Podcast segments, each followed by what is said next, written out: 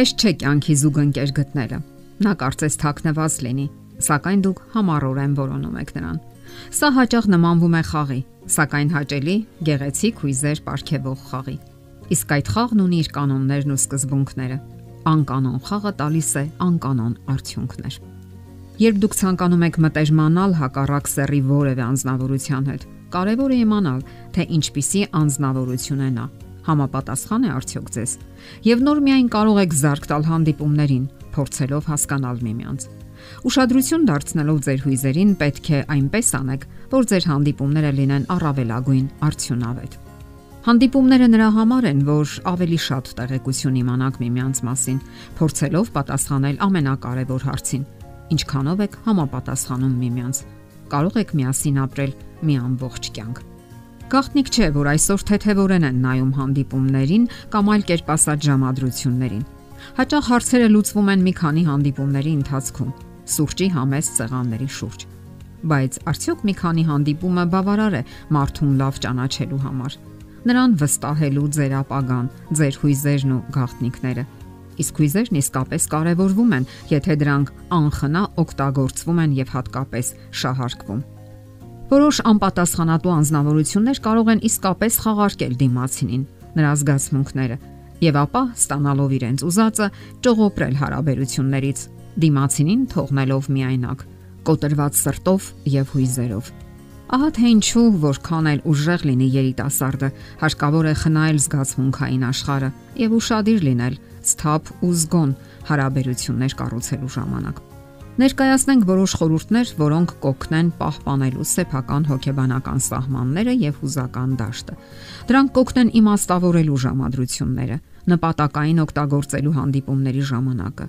Հետևելով դրանց, կարելի է խուսափել անցանկալի կապերից եւ չմտնել անիմաստ ու բարդ փոխհարաբերությունների մեջ։ Եվ իհարկե, հրաժարվել այն պատրանքներից,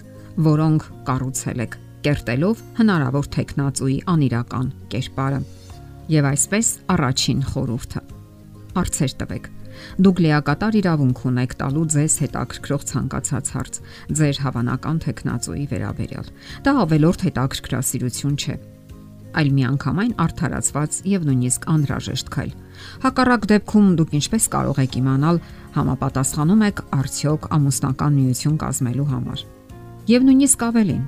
իսկ պետք է արդյոք շարունակել հետագա հարաբերությունները Օրինակի համար կարող եք իմանալ, նա ցանկանում է երեխաներ ունենալ։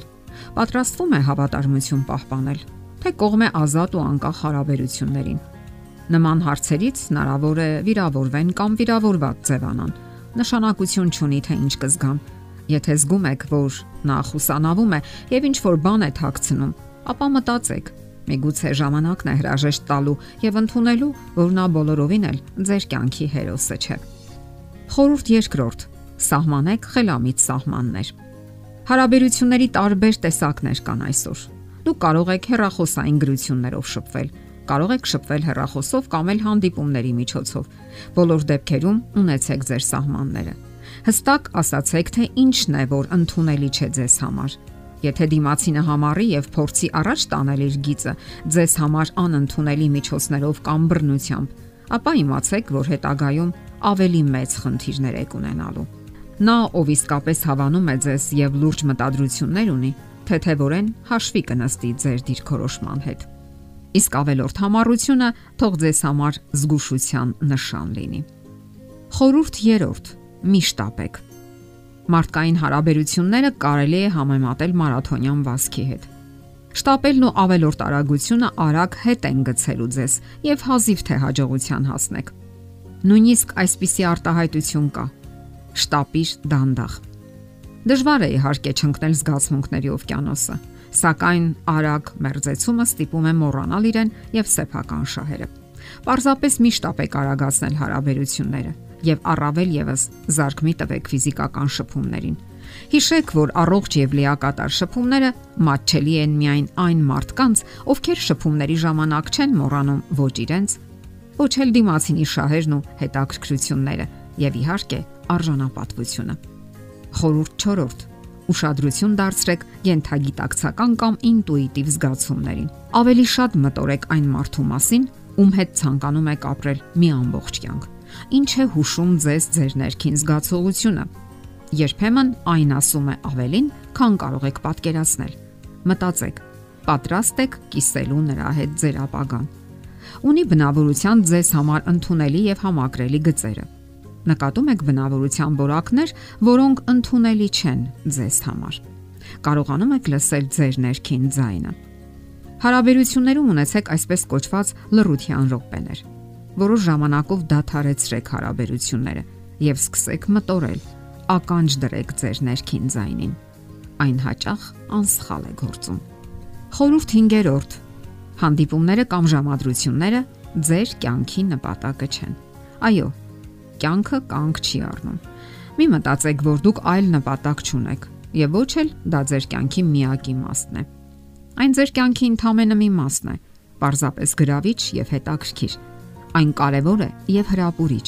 նման խորթավոր արկածի։ Սակայն ձեր կյանքը չի կարող սահմանափակվել միայն դրանով։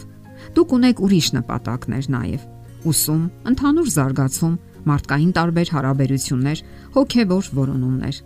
Կարևորեք ձեր հետաքրքրություններն ու անձնական կյանքը ընդհանրապես։ Դա ինչ եղեք իմաստուն եւ հաջողությունն իրեն երկար սпасեցնել չի տա։